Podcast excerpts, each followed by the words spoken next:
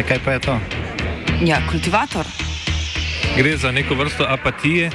To lahko reče samo kreten, noben drug. Socialni invalid in ga je ne mogoče urejati. Drugi kandidat.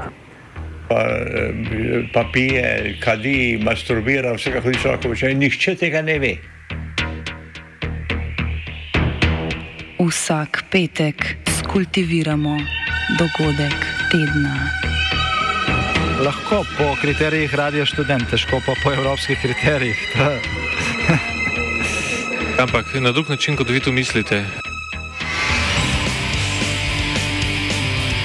Kultivator vedno užge.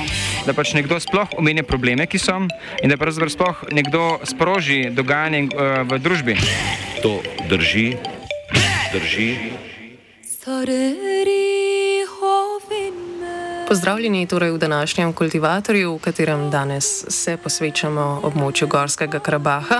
Zdaj, za malo konteksta, to je regija na južnem delu Kaukaza. Po resolucijah bi morala ta regija Združeni, uh, Združenih narodov pač morala pripadati Azerbajdžanu, ampak v njej vlada avtonomna republika Arca, ki je pa etnično armenskega izvora.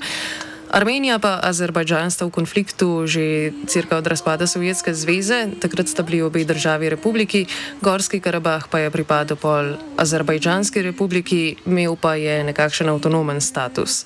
Uh, vojna zdaj poteka že približno 30 let, so se pa začeli, kot že rečeno, ponovni spopadi uh, pred nekaj dnevi. Zdaj, zadnji večji spopadi so se zgodili leta 2020, torej tri leta nazaj in takrat je zmagal Azerbajdžan. Z nami je pa Tija iz aktualno politične redakcije in če bi lahko, prosim, pojasnila, kaj se je zgodilo v teh zadnjih nekaj dnevih. Ja, torej v preteklih parih dneh je azerbajdžanska vojska začela novo operacijo. Oni so jo poimenovali protiteroristična operacija, čeprav za to ni absolutno nobene podlage, proti armenskim silam v tej regiji. In povod za to ne bi bila smrt več kot šestih azerbajdžanskih državljanov na tem območju in zato ne bi bile krive mine, ki pač jih je ja, postavila armenska vojska oziroma armenske sile. Azerbajdžansko ministrstvo za obrambo je kot razlog za to v bistvu navedlo, da iz območja hoče izgnati armenske vojake. No, Armensko obrambno ministrstvo pra, pa pravi, da v bistvu nima ne vojske, ne orožja v tej regiji. In kot smo omenjali v uvodu, ta spor traja že vrsto let. Ampak zadnje večje vojne je bilo potem tudi konec leta 2020. Azerbajdžan si je pa takrat zagotovil vrsto nekih ozemlji. In kaj je bil povod za te današnje oziroma sedanje spopade? Ja, v bistvu stanje v regiji je bilo napeto že pač od leta 2020 dalje. In sicer lani se je zgodil ta nek septembra se je zgodil spopad, kjer so azerbajdžanske sile napadle armenska naselja Vrdenis, Goris, Sotsk in pa Irmuk. Um, in potem takrat je v skladu z četrtim členom pogodbe o kolektivni varnosti Armenija tudi uložila zahtevo za intervencijo svojih zaveznic, to so članice, ki so bile nekoč v Sovjetski zvezi, se pravi, gre za Rusijo, Kazahstan, Belorusijo in druge države, ampak te so potem v bistvu to nekako zavrnile in so poslale samo neko vojaško misijo, ki je ugotavljala dejstva after the fact. Um, potrebno je pa pač povedati, da Azerbajdžan ni imel namena prenehati z temi posegi um, v Gorskem Karabahu, v bistvu šlo za neke vrste premor. Kot nam je pojasnil Ben Eris, urednik spletnega portala BNE IntelliNews, je bil trenuten čas v bistvu idealen za te ponovne napade in Azerbajdžan si je s tem skoraj zagotovil zmago že vnaprej. Well, the first thing to say is this has been a long-standing problem since the collapse of the Soviet Union, and Azerbaijan um, has always wanted to take Nagorno control back for, of Nagorno. And as you know, we had a war in 2020 when they attempted to it, um, but they didn't complete it. If you think about it, the timing of the operation now is perfect because Armenia was basically left with no friends. Um, that Russia was supposed to be the guarantor of security in the Caucasus, particularly for Armenia, because they're all members of the um, CSTO, the Collective Security Treaty Organization, which is a sort of version of uh, Eastern European version of NATO. Um, however, it was becoming increasingly clear that uh, Pashinyan, the president of Armenia, was getting very frustrated um, with the lack of action uh, by Russia. So when the war started in 2020, he immediately triggered Article 4, which is the collective security uh, agreement um, article in the agreement that should have brought Russia in to stop the fighting, and it didn't. Um, and then since then, they've had these peacekeepers, but there's been a humanitarian crisis in so much as, as Azerbaijan has cut uh, the, uh, the Karabakh enclave off from all ties. And again, Russia wasn't intervening, it wasn't doing anything that, that Baku was operating um, without any restraint. And so for Baku, it was becoming clear that, that Russia was you know, not fulfilling its duties. And thanks to the war in Ukraine, in fact, that Russia wasn't able to because it was severely distracted by its own wars. The, uh, the soldiers, peacekeepers that they had in the region had been depleted. And the, the last thing that Moscow wants to do is get involved um, in another conflict. Um, and Pashinyan, we've been looking around. He's been flirting with the French. He's been flirting with the Iranians. He's been flirting with, with the Indians. And so I think the Aliyev, the president of Azerbaijan, decided that this was an excellent time that he could attack and nothing would happen. Napadi so se torej končali v nekaj dneh, eh, sklenjena je bila prekinitev ognja. Azerbajdžan je ponovno razglasil zmago, ampak to bo najbrž kar precej vplivalo na armensko prebivalstvo v Gorskem Karabahu. Tako je v bistvu kljub temu, da Azerbajdžansko ministrstvo za obrambo trdi, da so ciljali le vojaške tarče, da so vzpostavili humanitarni koridor za evakuacijo civilistov. Pač vam prihajajo različna poročila o nasilju. Tako z dronskimi napadi naj bi bile pač napadene neke stavbe v mestu in tudi streljanje nekaterih hiš, kjer pač živi civilno prebivalstvo. Um, sicer so se pa pač pojavljala tudi vprašanja, kaj bo s tem prebivalstvom v prihodnosti. Zdaj, velika možnost je, da se bodo izselili zaradi tega, ker bo pač nasilje nad njimi prehudo, ali pa jih bo preprosto izselila kar azerbajdžanska vojska.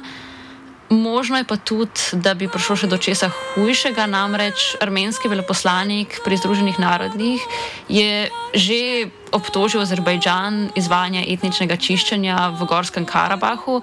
O tem so prišla ven tudi različna poročanja, ampak zaenkrat ni še točne potrditve tega, upajmo pa, da tega ne bo prišlo. The internet inside the enclave has been cut off, although some videos and contacts are coming out. I saw confirmed reports of at least 5,000 refugees from 125,000 that lived there have left and they've gone down to the Russian uh, peacekeepers' camp to seek refuge there. Um, there's been reports. I mean, the Azeris were saying specifically that they weren't targeting um, civilian objects, houses, residential, but they were just targeting military objects. Nevertheless, again, there's a um, verified video that shows that rockets were falling on, on urban uh, residential buildings um, in in the main city inside the enclave. So there's certainly going to be casualties. Um, there was also reports, again backed up by video, of the sounds of shooting in the city. Um, but again, no hard evidence. I've seen a report that some, I don't know, up to 200 people may have been, uh, well, at least have gone missing, and um, confirmed reports of a, of a, dozen or so policemen and other other people being killed. Um, but the big fear is that there is like proper ethnic cleansing in the sense of um, executions, beheadings again, there's reports coming out on, on social media that some of that has happened, that people have been executed, beheaded. Um, but none of that is confirmed. And in this environment, and given the animosity between the two sides, I think we have to be very careful about listening to reports, see some hard evidence. But there is form. I mean, and we have to see what happens next, uh, what the plan is, whether they're going to try and make the whole population leave or whether they're going to leave them there, but just you know, put Nazari rule in, direct rule in their police force or whatever. Um, it's still up in the air. It's very early days. Se pravi, če se kar konkretno geografsko ozreva zdaj, kera območja je Azerbajdžan v bistvu pridobil zdaj, In kaj to pomeni za širitev pač samega Azerbajdžana? Se pravi, po vojni leta 2020 je Azerbajdžan zasedel območja Fuzuli, Jabrail, Zangilan in Kubadli. Armenija je pa potem pristala, da bo umaknila svoje sile oziroma svoje prebivalstvo še iz regij Agdan, Kalbajar in Lahin. Zdaj Azerbajdžan je po tej vojni oziroma po teh spopadih pridobil kontrolo nad vsemi območji in to zelo hitro in brez res nekega upora z armenske strani. Kot rečeno, ti spopadi so trajali le nekaj dni. Mm. Azerbajdžan bo najverjetneje tako želel ustvariti neko malo bolj ostro mejo med državama in dejansko pač to vključil pod azerbajdžansko nacionalno državo. Well, I think they'll take complete control now because uh, Armenia has also shown itself really very weak. It put up a good fight in 2020, but um, you know it lasted uh, under the devastating drone attacks that Azerbaijan launched. And this time they've come in um, well armed with rockets, uh, more drones, and there was almost no resistance. Armenia didn't even bother to try and put up a resistance by mobilizing its army and going back in. Um, it, it, was basically they surrendered the, the territory after a day because they knew they couldn't hold it. So that gives the entire Nagorno region, Karabakh region, to Azerbaijan. And, and as I say, I think they'll take it up to the formal border because at the end of the day, this was all about the borders that were set after the collapse of the Soviet Union. And while uh, is, is uh, Armenian populated, um, it lies within the territory of the uh, Azeri former Soviet Union uh, Republic. And I'm sure that, that now Baku is going to push right to that line that was on the map since 91, and then they'll just stop there. But it means that uh, Nagorno Karabakh will now lie fully within Azerbaijan and be completely under Azerbaijan's control. And really, the only question now is what they do with the civilian population, these Armenians that have been living there for 30 years, and, and whether they eject them or whether they let them stay, um, but bring in some uh, Azeris to live there as well, which I'm sure that will happen, um, or whether they just try and empty the region entirely by either direct violence or indirect violence um, and encourage everyone to leave. I think you'll see a massive depopulation of Armenians from, from the region. Um, uh, as it's going to be very unpleasant uh, for them, and it's going to be made very unpleasant for them to stay there. But you know, people love their homes, and so I'm sure there's going to be quite a few that want to stay. And then we'll see how far, how violent it does get, um, which remains a possibility. Kot si omenil naprej, se Armenija ni močno borila tokrat, kar je zanimivo, sploh glede na vojno leta 2020, ko je pač bila slabš vojaško pripravljena in je kljub temu dolg in dobro odbijala azerbajdžanske napade. Zakaj točno se Armenija ni tokrat zares sploh zoprstavila? Ja, kot rečeno, Armenija je v bistvu zelo hitro pristala na prekinitev ognja in boji niso trajali dolgo, zato je sicer krivo več razlogov. Eden od njih je gotovo to, da tako kot leta 2020 Armenija ni bila dobro vojaško pripravljena in je neko to orožje, ki ga je dobivala, iskala tudi pri državah, ki zares se ni mogla opreti na njih, in ravno ta razlika v oboroženosti je bila tudi bistvena. It's, it's also been cut off from Russian arms, um, whereas Azerbaijan has been spending all its oil money, its copious amounts of oil money, on buying Russian Chinese arms. And um, Armenia has been going to places like India to buy arms, but um, it's not particularly well equipped and it's also extremely poor. It doesn't have the money to build up the army. And you can be sure in the last two years, particularly if Baku was planning this operation, that it has been investing in its army and its armament, and that it was more than well prepared for this attack. So I think it's just a realistic decision by Yerevan that, you know, it's a fight we can't win, we have to concede. Armenija je bila, kot omenjeno, že tako v dokaj šipkem položaju in premijer Nikol Pašinjan ni želel dodatnih tveganj. Sam je sicer izjavil, da Armenija nima vojske v Gorskem Karabahu in da je bila odločitev o prekinitvi ognja dosežena samo oklicano republiko, ki pa je de facto podaljšek armenske oblasti, ampak da pač so oni potem te želje v bistvu nekako podprli. In kot pravi sogovorec, je razlog, zakaj Armenija ni izgubljala časa z bojevanjem, tokrat popolnoma jasen. I, I think that's a simple answer to that question. Um, they just weren't able to. Um, they're, they're weak militarily. Um, this was a sudden attack specifically on the enclave. That uh, Azeri forces were there, uh, well armed with rockets and drones. And for Yerevan to actually mobilize its army and get it to um, Karabakh to fight would have taken a little time, and the, the region was already conquered. So they were facing a more powerful army that would have already conquered the territory that it wanted to and started digging in. And then tried to launch an offensive on a defended, well armed army is, is a recipe for disaster. And I, I think, you know, they, they realistically just conceded that, that, we can't win this fight. There's no way we can get it back by force. Um, and if we do bring the army, then we go back to full scale war and the Azeris proved in 2020 quite comprehensively that they were the larger and more um, well equipped force, and that there's very little prospect. Če bi se ozrli še na ta aspekt, da okay, Armenija ni bila pripravljena, ampak pripravljene pa niso bile pomagati niti druge države, kako pa to, da se mednarodna skupnost ni tukaj umešala v konflikt? Seveda tukaj je pač odgovor, da vedno moramo imeti od tega neko korist in očitno ne od Gorskega Karabaha kot regije, ne neke pomoči Armeniji to ni prineslo za res koristi.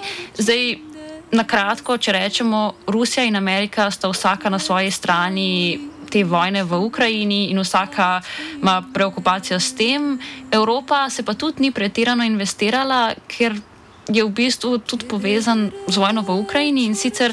Um, s tem, da seveda vemo, da ne dobivamo več ruskega plina in zato je takrat Evropska unija sklenila nek del z Azerbajdžanom in v bistvu seveda ne bodo posegali potem oziroma proti tej državi, mm. karkoli govorili. So they launched their attack uh, in order to fully take control of uh, Nagorno Karabakh um, without any resistance, without any real protest. The same is true. The European Union have done a gas deal with Baku to supply um, EU with gas now that it's lost the Russian gas. So the European Union is not going to complain um, to Baku if it does a, an aggressive act like this because they're dependent on um, them for gas. Um, the States is also distracted with um, Ukraine. And so, although it had um, a handful of troops in the region exactly before the attack, um, it withdrew them immediately and really didn't do anything. So, in effect, uh, Aliyev was able to walk in with some troops, um, pound what there was in the way of self defense forces within the enclave, and within a day, take control. And then it was all over. Še ena taka, mogoče z dosti distance, smešna zanka, ki se tukaj pojavlja, je to, da sta leta 2020 državi dejansko sklenili že mirovni sporazum in za ta mir v regiji naj bi skrbela kdo drug kot Rusija. Rusija pa, kot smo slišali in videli, mogoče tudi kje druge, ni zares ukrepala. Ne? In me zanima, če je še kakšen razlog poleg vojne v Ukrajini za to pasivnost. Kot je tudi naš sogovorc povedal potem v izjavi, je v bistvu zanimivo, da ni odreagirala za res Rusija na, na, na kakršne koli spopade, da ni želela medirati tega. Um, vojna v Ukrajini sicer pač je ta glavna preokupacija, oziroma posebno vojaška operacija, kot jo oni imenujejo. Um, sicer pa ja, smo omenili, da Rusija se pač ni odzvala niti lani, takrat, ko je Armenija um, prosila za pomoč zaveznic in ja, tudi takrat so v bistvu jo pustili na cedilu do neke mere. Ja, zdaj, kljub temu, da je za vzpostavljanje pač miru, kot smo rekli, odgovorna Rusija, so se pa ponovno morale seveda umešati kdo drug kot Združene države Amerike. Oziroma, človek bi si mislil. In kako to, da ni prišlo do tega posredovanja, torej z ZDA, strani ZDA? Ja, ZDA so se v bistvu umešale lani septembra in vse se je končalo z nekim zelo ohlapnim, rahlim premirjem. Um, Amerika je imela takrat v regiji sicer svoje vojake, tudi zdaj jih je imela pred začetkom spopadov, ampak jih je takoj umaknila in sploh ni kazala kakršnega koli zanimanja, da bi stopila na kjerkoli stran tega konflikta. Malo verjetno je, da se jim pač to splača. Po drugi strani se pač obadajo z vojno v Ukrajini, je pa pač res, da tudi v bistvu Armenija ni članica NATO in tudi ni zares imela te težnje, sploh potem, ko so videli, kaj se je zgodilo z Ukrajino, ki je pač nekako želela pristopiti k NATO. Um, in tako preprosto, tudi če je premijer iskal kao neko zavezništvo, ZDA zares niso računali na njihovo pomoč. But as I said, I mean, recently it's become increasingly clear that he's frustrated uh, with the lack of involvement, lack of action uh, by Russia, which, to be honest, I don't quite understand. Um, it would be in their interest to come and play peacemaker, um, in so much as that just enhanced in the region. But um, it got to the point where the CSTO was supposed to have exercises um, just last month, and this year they were supposed to be hosted by Yerevan, and Pashinyan refused to do that, so they ended up being moved to Minsk, and instead he reached out to America and invited. Uh, Americans to come and do military exercises in Yerevan, which actually finished the day after the fighting started. Um, and that was clearly a gesture. I mean, it was a tiny contingent. You know, there were 100 soldiers on both sides, maximum.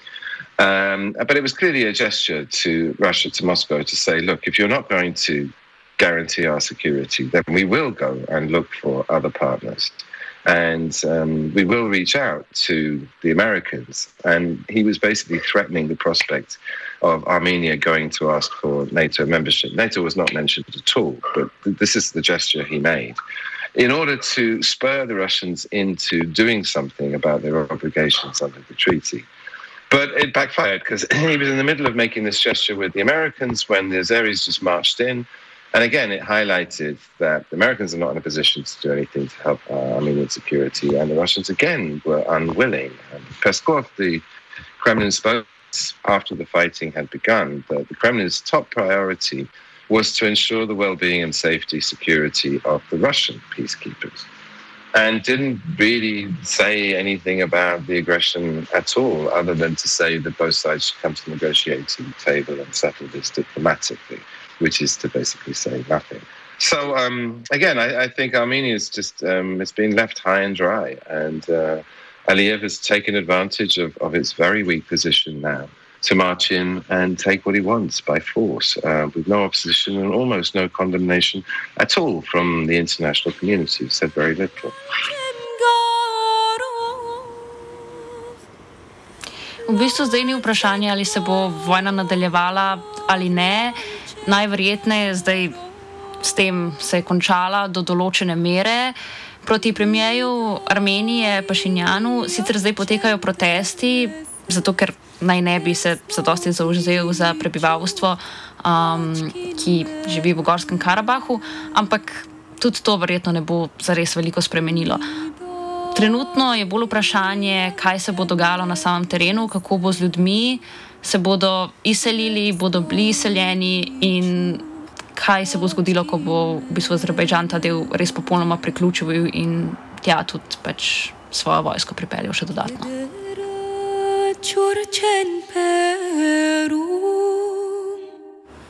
Kultivirali sva tija in živa. Peru.